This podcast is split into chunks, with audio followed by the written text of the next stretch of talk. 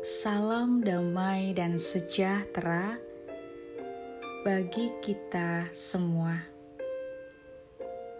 Saudara yang terkasih, hari ini kita akan bersama-sama merenungkan firman Tuhan yang diambil dari Pengkhotbah 2 ayat 11. Ketika aku meneliti segala pekerjaan yang telah dilakukan tanganku dan segala usaha yang telah kulakukan untuk itu dengan jerih payah, lihatlah, segala sesuatu adalah kesia-siaan dan usaha menjaring angin. Memang tak ada keuntungan di bawah matahari biasa. Martabak. Kalau saudara ingin membeli martabak, martabak telur misalnya, pasti ada beberapa pilihan. Ada yang martabak telur biasa, martabak telur spesial, dan martabak telur istimewa. Pasti harganya pun berbeda yang biasa jauh lebih murah daripada yang istimewa. Karena jumlah telurnya yang lebih sedikit dan yang istimewa lebih banyak. Mungkin juga karena porsi dagingnya juga berbeda. Maka bisa dibilang yang biasa akan lebih rendah kualitasnya dan bahkan rasanya daripada yang istimewa. Dalam hidup kita pun sering melihat sesuatu yang kecil dan biasa menjadi hal yang tidak ada gunanya, atau kata lain, kita menyepelekannya. Kita akan lebih menghargai dan mencari sesuatu yang besar dan istimewa.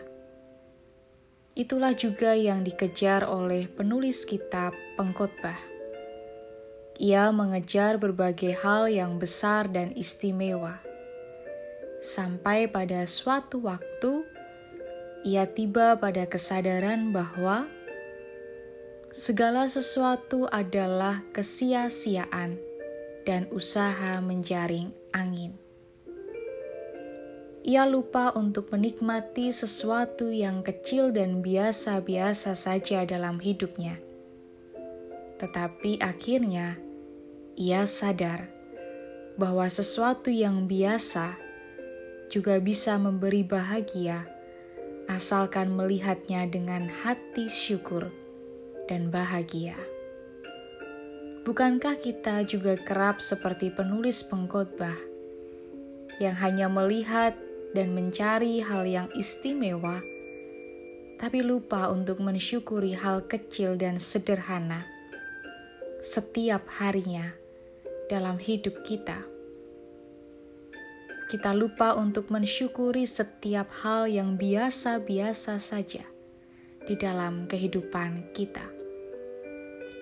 Memohon kepada Tuhan untuk memberikan mujizat yang besar, padahal setiap hari Tuhan telah memberikan mujizatnya bagi kita. Maka, saudara terkasih, Mari belajarlah untuk menghargai dan mensyukuri hal kecil, biasa, dan sederhana. Tidak hanya sibuk mencari hal yang besar dan istimewa, karena hal biasa dan kecil, kalau ada rasa syukur, itu pun mampu membawa sukacita bagi kehidupan kita. Tuhan Yesus memberkati.